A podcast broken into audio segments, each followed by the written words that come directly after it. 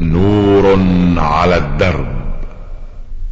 برنامج يومي يجيب فيه أصحاب الفضيلة العلماء على أسئلة المستمعين الدينية والاجتماعية. البرنامج من تقديم وتنفيذ سليمان محمد الشبانة. بسم الله الرحمن الرحيم. أيها السادة المستمعون السلام عليكم ورحمة الله وبركاته. ومرحبا بكم في لقائنا هذا.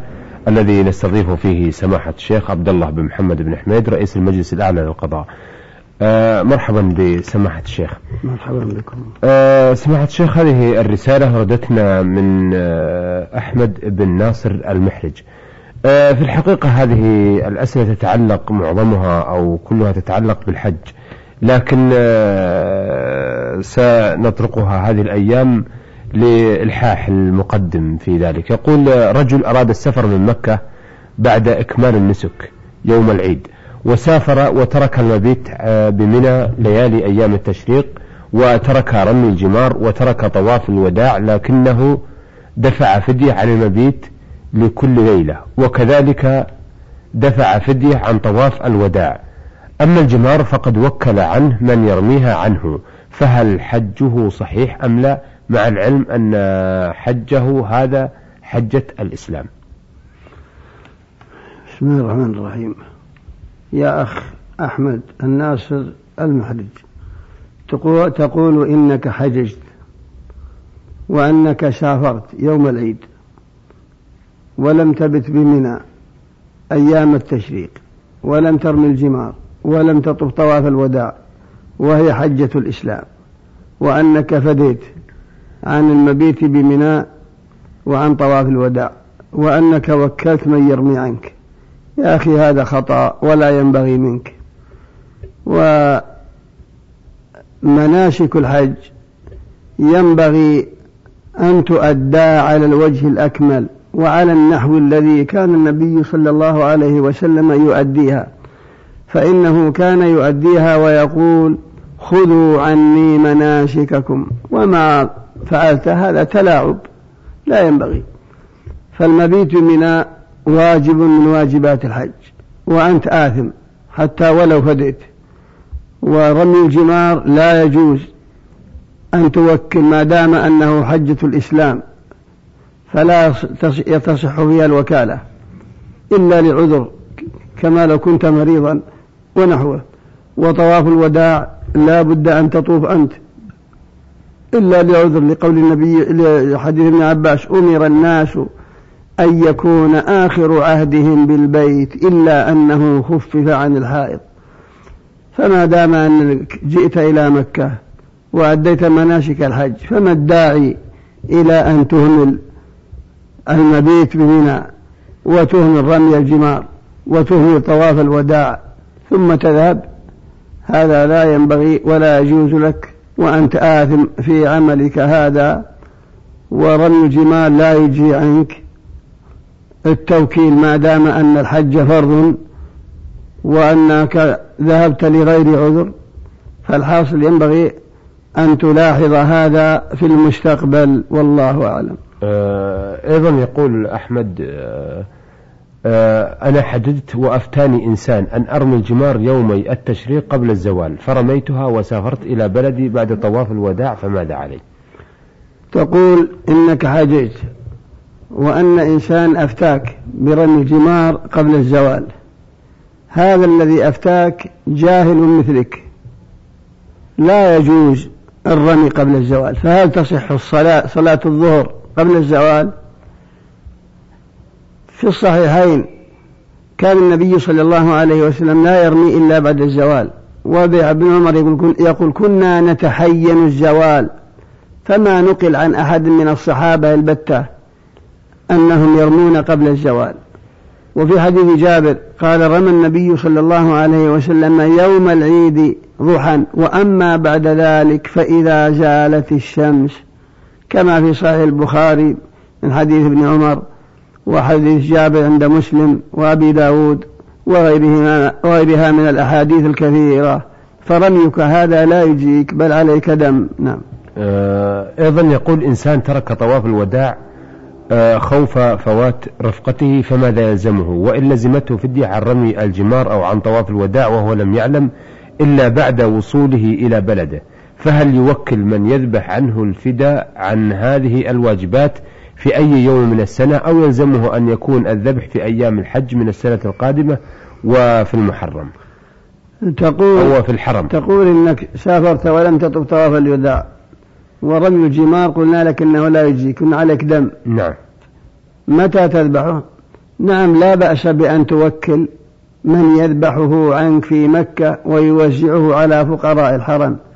وهو والذبح ليس هو خاص بأيام الحج لأن هذا واجب في ذمتك لله تعالى فلا بد من إفادة في أي يوم من أيام السنة. أه سؤاله الأخير يقول هل للوكيل أن يأكل من الفدية التي وكل على ذبحها أم لا؟ أفتونا مأجورين. تقول هل للوكيل أن يأكل من الفدية التي وكل عليها؟ إذا كانت الفدية هي دم التمتع أو دم القران فلا بأس بذلك إن شاء الله. أما إن كانت الفدية لترك واجب أو لفعل محظور فالوكيل لا يأكل منها إلا أن يكون فقيرا. إن كان فقير فنعم يأكل وإن كان غني لا يأكل. هذا إذا كانت الفدية التي سألت عنها وجبت لترك واجب كترك المبيت بمنى وترك الجمار رمي الجمار أو لفعل محظور فعله.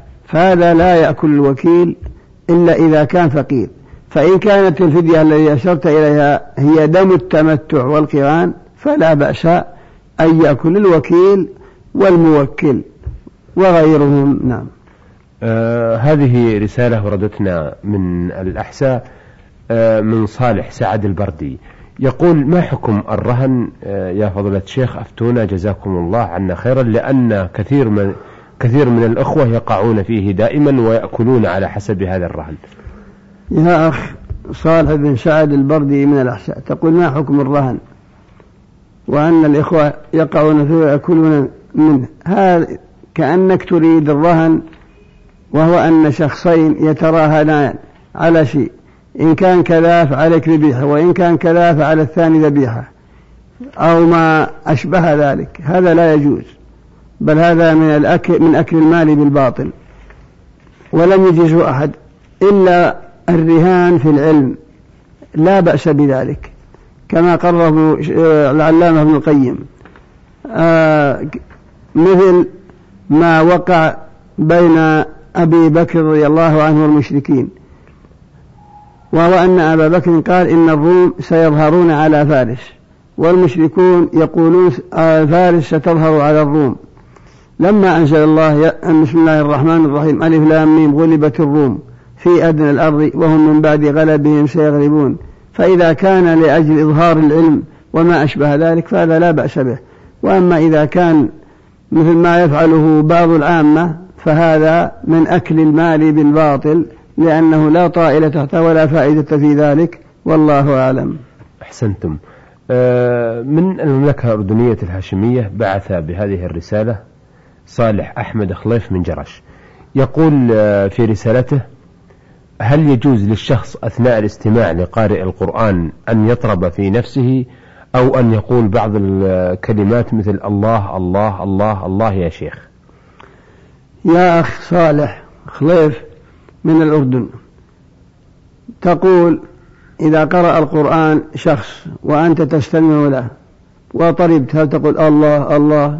لا يا أخي لا تقول الله الله. الله على كل حال هو رب الجميع وهو المستغاث به والمنادى للملمات. لكن ما كان هذا معهودا في زمن الصالح زمن سلفنا الصالح. لا الصحابة ولا غيرهم. إنما إذا قرأ القرآن ينبغي أن تتدبر معانيه وتتفهم ما دل عليه القرآن. وتأتمر بما أمر به القرآن وتنتهي عما نهى عنه القرآن لا كما يفعله بعض الصوفية من التمايل بالرؤوس والرقص والكلمات التي لا طائل تحتها. فهذا الأولى أن تسلك ما سلكه سلفنا الصالح من لدن رسول الله صلى الله عليه وسلم وأبي بكر وعمر ومن بعدهم من الصحابة ومن بعدهم من التابعين رضي الله عنهم. وذلك أن النبي صلى الله عليه وسلم استمع لقراءة ابن مسعود. لما وصل إلى هذه الآية فكيف إذا جئنا من كل أمة بشهيد وجئنا بك على هؤلاء شهيدا؟ قال التفت فإذا عيناه تذرفان. ولم يقل الله الله. كل هذا لا لا دليل عليه. والصحابة كلهم ومن بعدهم من التابعين لم يفعلوا شيئا من ذلك. يقول أيضا صالح في رسالته هل يجوز أن يصرف الإنسان أو يتصدق بزكاة أمواله إلى تارك صلاة؟ يا أخ صالح تقول هل يجوز دفع الزكاة لمن لا يصلي؟ نقول لك لا. الزكاة لا يجوز دفعها إلا لمسلم وهذا الذي لا يصلي ليس بمسلم. فإن رسول الله صلى الله عليه وسلم يقول بين العبد وبين الكفر ترك الصلاة. فلو دفعت الزكاة لأناس لا يصلون ولو تسموا بأنهم مجاهدون فإنها لا تجزي كدفعها للنصارى أو دفعها لمن يدعي الإسلام وهم لا يأتمرون بأوامر الإسلام بل يأتون بما يخرجهم به من الإسلام كترك الصلاة وسب الدين وسب الله ورسوله أو ما أشبه ذلك من أنواع المكفرات فإنه لا يجوز دفع الزكاة إليهم. فلو دفعتها لم تبرأ ذمتك منها. آه هذه رسالة وردت من المراسل محمد حمد الرشيد من القصيم بريدة. يقول إذا سلم الرجل وهو في صلاته تسليمة واحدة ثم أحدث هل تبطل صلاته أم لا؟ يا أخي محمد حمد الرشيد من القصيم. تقول إذا سلم المصلي التسليمة الأولى ثم أحدث قبل أن يسلم التسليمة الثانية فهل تبطل صلاته؟ في المسألة خلاف بين أهل العلم لكن عند الحنابلة نعم تبطل لأن التسليمة الثانية ركن. من أركان الصلاة فلا يخرج من الصلاة إلا بالتسليمة الثانية فقبل أن يسلم التسليمة الثانية هو في صلاة فلو أحدث بين التسليمتين بطلت صلاته. هذا هو المشهور من مذهب أحمد لقول النبي صلى الله عليه وسلم تحريمها يعني الصلاة تحريمها التكبير وتحليلها التسليم ولم يحصل التسليم الكامل إلا بالتسليمة الثانية والله أعلم. أه طيب بالنسبة يا سماحة الشيخ للتسليمة الأولى والتسليمة الثانية نحن نرى ويرى أيضا آه، مشاهدو التلفاز أه البيت العتيق والناس آه، يصلون حوله. إذا سلم بعض المسلمين على اليمين آه، يعني تسابقوا إلى الحجر الأسود ولم يسلموا إلى اليسار فما حكم صلاة هؤلاء؟ هؤلاء الذين يقومون إلى الحجر الأسود قبل أن يسلموا لا تصح صلاتهم عند طائفة من أهل العلم. إلا من قال إن التسليم السنة فهذا في قول. لكن القول المعتمد أنها لا لا تتم الصلاة إلا بالتسليمة الثانية. ومجرد فعل الناس ليس بدليل. هؤلاء جهلة ولا خبرة لهم ولا علم لديهم. وإن كان في المسألة خلاف مشهور هل التسليمة الثانية واجبة أم ركن أم سنة؟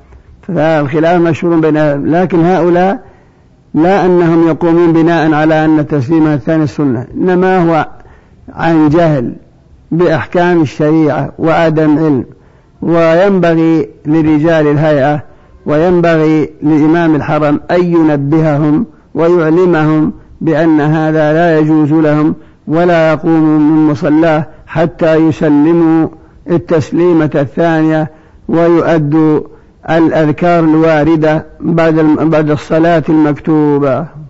أحسنتم وثابكم الله. آه، من المدينة المنورة بعثت بهذه الرسالة المرسلة إحدى الأخوات ورمزت لاسمها بميم ميم.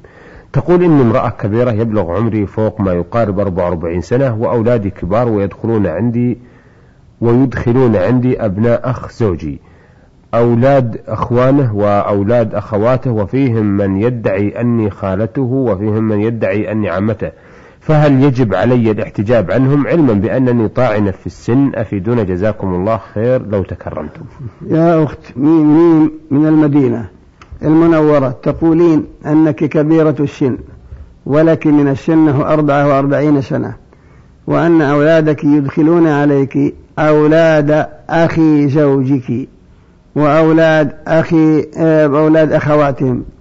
فهل تحتجبين منهم؟ نعم لابد من الاحتجاب.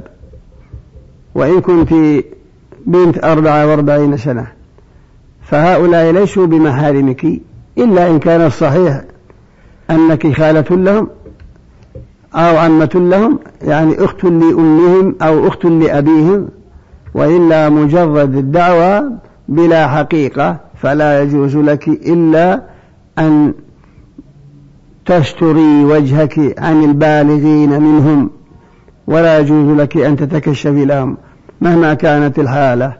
هذا الذي تقتضيه أصول الشريعة والله أعلم. آه، أيضا تقول المرسلة آه، ميم من المدينة إنني كنت في قديم الزمان في البادية ومن أول نشأتي أخذت أصلي وكنت وكانت المياه آه، في ذلك الوقت قليلة وكان إذا وجد الماء يترك لحاجته.